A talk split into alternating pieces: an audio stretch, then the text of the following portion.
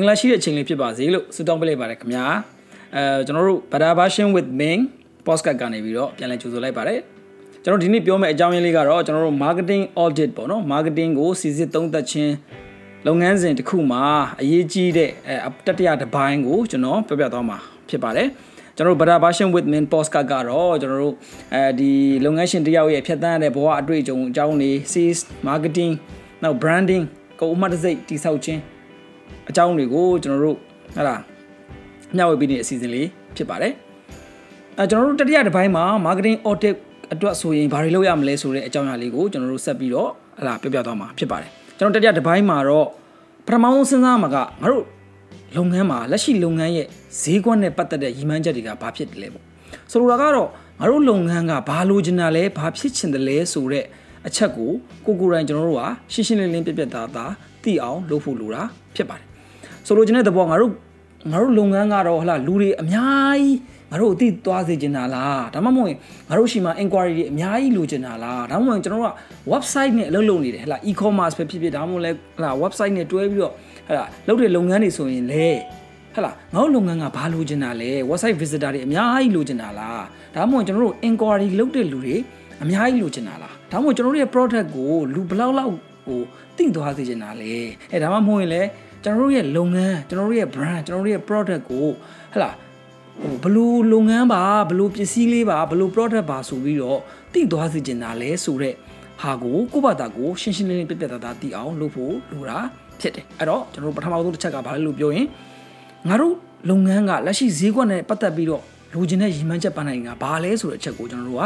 စဉ်းစားရမှာဖြစ်ပါတယ်ဒုတိယတစ်ခုကတော့ အဲ့ဒီအရှိမခုနကပြောခဲ့တဲ့ရီမန်းချက်ပနက်တွေရအောင်ဖို့အတွက်ဆိုရင်ငါတို့ကဘလို့ပြူဟာတွေချမှတ်ပြီးတော့လုံမှာလေလက်ရှိလုပ်ငန်းမှာဟလာအခုချမှတ်ထားတဲ့မဟာဗျူဟာတွေကဘာတွေဖြစ်နေသလဲဟလာ customer တွေကိုများများရအောင်လုပ်နေတာလားဟလာအဲ့လိုမျိုးလုပ်နေရဆိုရင်ရောဘလို့နီးဗျူဟာတွေကိုတုံးဆွဲနေတယ်လဲဆိုတဲ့အချက်တွေကိုကျွန်တော်တို့ကစဉ်းစားရမှာဖြစ်ပါတယ်တတိယတစ်ချက်ကဘာလဲလို့ပြောရင်ဈေးကွက်ထိုးဖောက်ရေးမှာလိုအပ်တဲ့ပေါ့နော်လိုအပ်ချက်တွေဖြစ်တဲ့ကျွန်တော်တို့ product ဟလာကိုယ့်ရဲ့ထုတ်ကုန် price ဟလာဈေးနှုန်းသတ်မှတ်ခြင်း place distribution channel တွေနောက်တစ်ခုက promotion ဟလာကျွန်တော်တို့လူတွေကိုအဲကိုယ့်ရဲ့လုပ်ငန်းကြောင်းကိုပြောဆိုတင်ဆက်တဲ့ဟလာ plan တွေအစီအစဉ်တွေနောက်တစ်ခုကလူတွေ people အဲကျွန်တော်တို့ရဲ့ဟလာလူတွေကျွန်တော်တို့ရဲ့ဝန်ထမ်းတွေပေါ့နော်အဲ့ဒီလူတွေအကြောင်းနောက်တစ်ခုက process အာကိုယ့်လုပ်ငန်းရဲ့ဟလာလုပ်ငန်းစဉ်တွေနောက်တစ်ခုက physical evidence physical evidence ဆိုတာကကြတော့ဟလာကိုလုပ်ငန်းမှာဟလာ customer တယောက်ကကိုယ့်ရဲ့ brand နဲ့ထိတွေ့လိုက်ပြီးဆိုတာနဲ့ကိုဘလို့ခံစားချက်မျိုးဖြစ်နေတယ်လဲအစဉ်ပြေနေမှုရှိနေရဲ့သလားအဲစသည်ဖြင့်ဒီလိုအချက်တွေကိုကျွန်တော်တို့ကလေ့လာသုံးသပ်ကမှာဖြစ်ပါတယ်နောက်တစ်ခုကတော့ကျွန်တော်တို့ကဈေးကွက်စီမံချက်တွေမှာဆိုရင်အကောင့်ထဲပေါ်ခြင်းကိုထိထိရောက်ရောက်နဲ့လုံနိုင်သလားထိန်းချုပ်မှုကိုလုံနေသလားဟုတ်ဒီအချက်ကိုကျွန်တော်တို့ကဘာကြောင့်မလို့စဉ်းစားရမလဲလို့ပြောရင်ကျွန်တော်တို့တစ်ခါတလေမှာ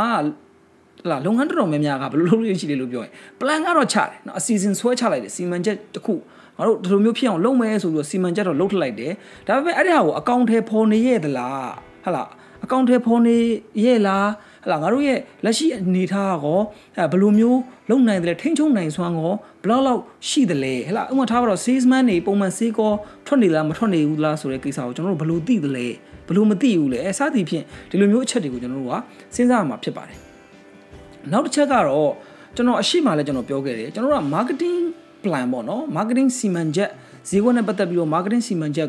တစ်ခုကိုအောင်မြင်အောင်လုပ်ဖို့အတွက်ဆိုတော့ marketing department တစ်ခုရင်းနဲ့အလုံးမဖြစ်ဘူးအဲ့တော့ကျွန်တော်တို့လိုအပ်တဲ့ကျွန်တော်တို့မှာ resource တခြား resource တွေရှိတယ်ဥပမာအဓိကအဖြစ်ကျွန်တော်ငွေကြေးပေါ့ဥပမာကျွန်တော်တို့ကတော့ဟလာကြော်ညာစရိတ်ကိုကျွန်တော်တို့ဘယ်လောက်လောက်လိုသုံးချင်ပါတယ်ဟလာ10သိန်းသုံးချင်ပါတယ်3တရာသုံးချင်ပါတယ်ကျွန်တော်တို့ရဲ့ရည်မှန်းချက်ပန်းနဲ့ရဖို့တော့ဒီလောက်သုံးဖို့လိုအပ်ပါတယ်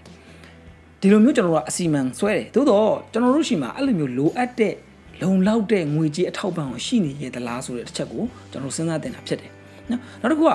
တေးကြတိကျပြီးတော့ဗောနော်ကိုကလုံနိုင်စွမ်းရှိတဲ့တိုင်းတာထားလက်ဟလာတိုင်းတာလို့ရတဲ့ရီမန်းချက်ပန်းနိုင်တွေကိုဖြစ်နေရဲ့သလားဟလာဒီကတော့ဘာလို့ပြောကျွန်တော်ရီမန်းချက်ပန်းနိုင်ကတော့ချလိုက်တယ်ဟမ်ဒါပေမဲ့ဟိုတိတိကျကျပြက်ပြက်သားသားမရှိဘူးဟာကျွန်တော်တို့လုပ်ငန်းကအရင်အောင်မြင်နေတာပဲဟာ အဲ့ဒါဆိုကျွန်တော်ဘယ်လိုတိုင်းမလဲအောင်မြင်နေဆိုတော့ဘယ်လိုတိုင်းမလဲဆိုတဲ့ကိစ္စကိုကျွန်တော်တို့မပါဘူးအဲအဲ့လိုမျိုးပေါ့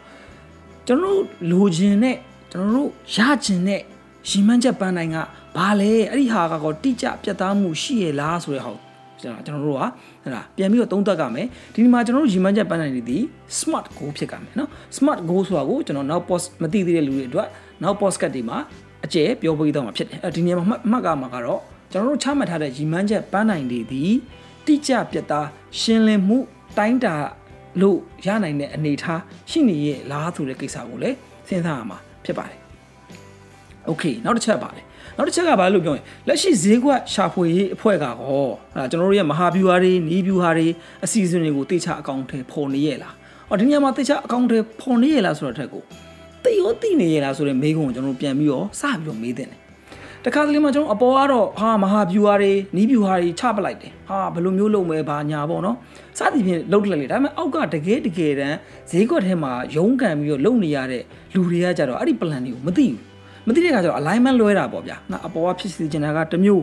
အောက်ကလုပ်နေကြတာကတစ်မျိုးအဲ့လိုမျိုးတွေဖြစ်ပြီးတော့ကျွန်တော် alignment မညီဘဲနဲ့ဟလာမညီဘဲဖြစ်တယ်ဆိုရင်ကျွန်တော်တို့လိုချင်တဲ့ရည်မှန်းချက်ပန်းနိုင်နေမရနိုင်ဘူး ဒါကြောင့်မလို့ကျွန်တော်တို့ကဘာလုပ်ရမလဲလို့ပြောရင်ကျွန်တော်တို့ဈေးကွက်ရှာဖွေအခွင့်မှာခန့်လာတဲ့ marketing team တွေ sales team တွေ sales member တွေ sales team member တွေအကုန်လုံးကတော့ကိုယ့်ရဲ့ plan ကိုယ့်ရဲ့မဟာဗျူဟာတွေကိုတည်တည်ချာချာသိနေရလားအကောင့်ထဲရောဖုံနေကြရလားဆိုတော့ကိုလည်းကျွန်တော်တို့ကသုံးသပ်ရမယ်နောက်တစ်ခုကဝန်ထမ်းရဲ့အခြေအနေဝန်ထမ်းအခြေအနေကဘယ်လိုလဲပေါ့ဟာဝန်ထမ်းအခြေအနေကဘယ်လိုလဲဆိုတဲ့နေရာမှာဒီနေရာမှာကျွန်တော်ကနံပါတ်1စိတ်ပိုင်းဆိုင်ရာအရာပေါ့နော်စိတ်ပိုင်းဆိုင်ရာအရာငါတို့ရဲ့ဝန်ထမ်းတွေဒီတက်ကြွ လှုပ်ဟာဒီစိတ်အားတက်ကြွမှုရှိရလားအလုံးလုံးချင်းစိတ်ရှိရလားနောက်တစ်ခုကကိုယ့်ရဲ့လုပ်ငန်းကိုယ့်ရဲ့ brand ကိုယ့်ရဲ့အဲ plan ပေါ်မှာကောအပေါ်ကချလာချထားပေးလိုက်တဲ့ plan ပေါ်မှာကောသူတို့ဒီယုံကြည်မှုရှိနေရလားနော်ဒါဒီတစ်ချက်ကိုလည်းကျွန်တော်တို့ကစဉ်းစားအောင်နောက်တစ်ခုကအရေးချင်းပိုင်းပေါ့ကျွန်တော်တို့တော့ plan ကတော့ချထလိုက်တယ်ဟဲ့လားဘယ်ဘယ်ဝန်တန်းကတော့ဘာတွေလုပ်ကြမလဲနော် salesman တယောက်ကတော့ဟဲ့လားဘယ်လောက်ဖိုးရောင်းရမယ်ပေါ့ထားလိုက်ပါတော့ဟဲ့လားမင်းတလားကို2သိန်းဖိုးရောင်းရမယ်ဒေါ်လာ2သိန်းဖိုးရောင်းရမယ် နော်ဒါမှမဟုတ်ကျွန်တော်တို့က target ချပေးလိုက်တယ်ဟုတ်ပြီဒါပေမဲ့သူ့မှာအဲ2သိန်းဖိုးရောင်းနိုင်လောက်တဲ့ motivation လည်းမရှိဘူးဟဲ့လားကျွန်တော်တို့အာဒီဟိုလုံနိုင်စွမ်းအား scale လည်းမရှိဘူးဆိုကျွန်တော်တို့မှာပြဿနာရှိတယ်အဲ့တော့ကျွန်တော်ဘာပြန်လုပ်ရမလဲကျွန်တော်တို့ဝန်ထမ်းတဲ့အခြေအနေကိုကျွန်တော်တို့ကပြန်ပြီးတော့သုံးသပ်ရမယ်အပြီးွားရင်တော့ကျွန်တော်တို့ကဒီလူဝန်ထမ်းတွေကိုလုံလောက်တဲ့သင်တန်းတွေပေးထားကြရဲ့လားဟော salesman တွေကို sales သင်တန်းတွေပေးထားရဲ့လားဟာ marketing တင်းနေတာဖွဲ့ထားတယ် marketing နဲ့ပတ်သက်ပြီးတော့ဘာမှမသိဘူး ဟဲ့လား marketing executive ခေါ်ခန့်လိုက်တယ်အခိုင်းမယ်ပေါ့အဲဒါပေမဲ့သူဒီ marketing concept တောင်မမိနေတဲ့ခါကျတော့လောက်တာတွေဒီကျွန်တော်တို့လုပ်ငန်းပေါ်မှာတဲ့လားတက်ရောက်မှုကတိတ်ပြီးတော့ထိထိရောက်မဖြစ်တော့ဘူးဟလာကံမကောင်းရင်ပြဿနာတောင်ပို့ပြီးတော့တက်လာနိုင်တဲ့အနေအထားတွေရှိတယ်နော်အဲဒါကြောင့်မို့လို့တင်တန်းနေပေးထားတယ်ပြီးတော့အတွေ့အကြုံတွေကဘယ်လောက်ရှိလဲဟာကိုတင်းကိုကိုကျွန်တော်တို့ရဲ့ဟလာဒီ marketing sales team ကလူတွေအလုပ်လုပ်နေတဲ့ဝန်ထမ်းတွေရဲ့အတွေ့အကြုံတွေကဘယ်လောက်ရှိတယ်လဲဆိုတဲ့ချက်ကိုလည်းကျွန်တော်တို့ကသုံးသပ်ကြမယ်နော် နောက်တစ်ချက်ဘာလဲလို့ပြောရင်ကျွန်တော်တို့ကလက်ရှိဈေးကွက်ဝေစုကဘယ်လောက်လောက်ရှိတယ်လဲပေါ့ဒီတစ်ချက်ကကျွန်တော်တို့မြန်မာနိုင်ငံအတွက်ဆိုရင်နည်းနည်းလေးပြဿနာရှိတယ်ဟောအဲ့ဒါဘာလဲလို့ပြောရင်ကျွန်တော်တို့မြန်မာနိုင်ငံရဲ့အနေအထားမှာဟိုဒီဈေးကွက်ရဲ့အချက်လက်ကိုရဖို့ကနည်းနည်းလေးခက်တယ်ဗျနော်နည်းနည်းခက်တယ်ဟောမသိဘူးဟောတို့တော့ကျွန်တော်တက်နိုင်သမျှတော့ခံမှန်းရမှာပေါ့နော်ဟောတက်နိုင်သမျှတော့ခံမှန်းရမယ် အဲလာကိုယ့်ရဲ့ဒီ outlet တွေဟဲ့လားဒီ distribution channel member တွေကိုမေးပြီးတော့ကိုယ့်ရဲ့ပြိုင်ဘက်တွေရဲ့ဈေးကွက်ဘယ်လိုလေးရှိလဲဘာညာအချက်လက်လေးကောက်ပြီးတော့ကျွန်တော်တို့ကတက်နိုင်သမျှတော့အချက်လက်စုဖို့လိုတယ်ဖြစ်နိုင်ရင်တော့ကျွန်တော်တို့ဈေးကွက်ရဲ့ research paper တွေကိုဝယ်ပြီးတော့ပြန်လေ့လာတာမျိုးသုံးသပ်တာမျိုးကျွန်တော်တို့ကအဲလုပ်တင်တယ်နောက်တစ်ခုက product တစ်ခုချင်းစီရဲ့အမြတ်ဆုံးရနေတဲ့အခြေအနေတွေကဟောဘယ်လိုမျိုးလဲဒါလေးလေကျွန်တော်လေ့လာရမယ်နောက်တစ်ခုကကျွန်တော်ငွေကြေးပိုင်းဆိုင်ရာနဲ့ချထားတဲ့ရည်မှန်းချက်တွေရောရနေရလားဟမ်အဲထားပါတော့ဟို6လ တစ်နှစ်ဟုတ်လား plan ထားရတယ်အဲ့တော့ပထမလမှာဘယ်လောက်ဖို့ရောင်းရမလဲဟဲ့လားဒါမှမဟုတ်လဲ first quarter မှာပထမ3လမှာဘယ်လောက်ဖို့ရောင်းရမလဲဆိုတော့အမြတ်အစွန်းဘယ်လောက်ရရမလဲဆိုတဲ့ target တွေရောရနေရလားအဲဒါမျိုးတွေကျွန်တော်တို့ကပြန်ပြီးတော့သုံးသပ်တင်တယ်နော်ဒါအပြင်ကျွန်တော်တို့ကဒီနေရာမှာကျွန်တော်ဘာတွေပါထပ်လုပ်တင်ရလို့ပြောရင်ကျွန်တော် SWOT analysis လုပ်တင်တယ်နော် SWOT analysis ဆိုတာကတချို့လည်းတည်ပြီးသားဖြစ်လိမ့်မယ်ကျွန်တော်တို့ဒီ business plan လုပ်တဲ့အခါမှာ marketing plan လုပ်တဲ့အခါမှာဘယ် planning ပဲလုပ်လို့ personal planning ပဲလုပ်လို့ personal branding အတွက် planning လုပ်တာပဲဖြစ်ဖြစ် ကျွန်တော်တို့ကဒီအချက်တွေကိုထည့်သွင်းပြီးတော့စဉ်းစားတဲ့ analysis ကျွန်တော်တို့လုပ်တတ်ကြမယ်နော်အကယ်၍မသိဘူးဆိုရင်ကျွန်တော်ကို comment မှာရေးခဲ့ကျွန်တော်နောက်နောက် podcast တွေမှာဒီအကြောင်းတွေကိုတေချာလေးဆက်ပြီးတော့ရှင်းပြသွားမှာနောက်တစ်ခုကကျွန်တော်တို့ဘာလဲလို့ပြောရင်ကျွန်တော်တို့လုပ်ငန်းတွေက macro level ဟလာတက်ရောက်မှုရှိတဲ့အချက်တွေရှိတယ်အဲ့ဒါကောမှနိုင်ငံရေးတွေစီးပွားရေးတွေအာဒီ customer တွေရဲ့ကျွန်တော်တို့ social structure တွေ social culture တွေအဲ့ဒီဟာတွေအကုန်လုံးဒီတက်ရောက်မှုရှိတယ်ဒီအချက်တွေလည်းကျွန်တော်တို့ကလေ့လာသုံးသပ်တင်တယ်နောက်တစ်ခုကတော့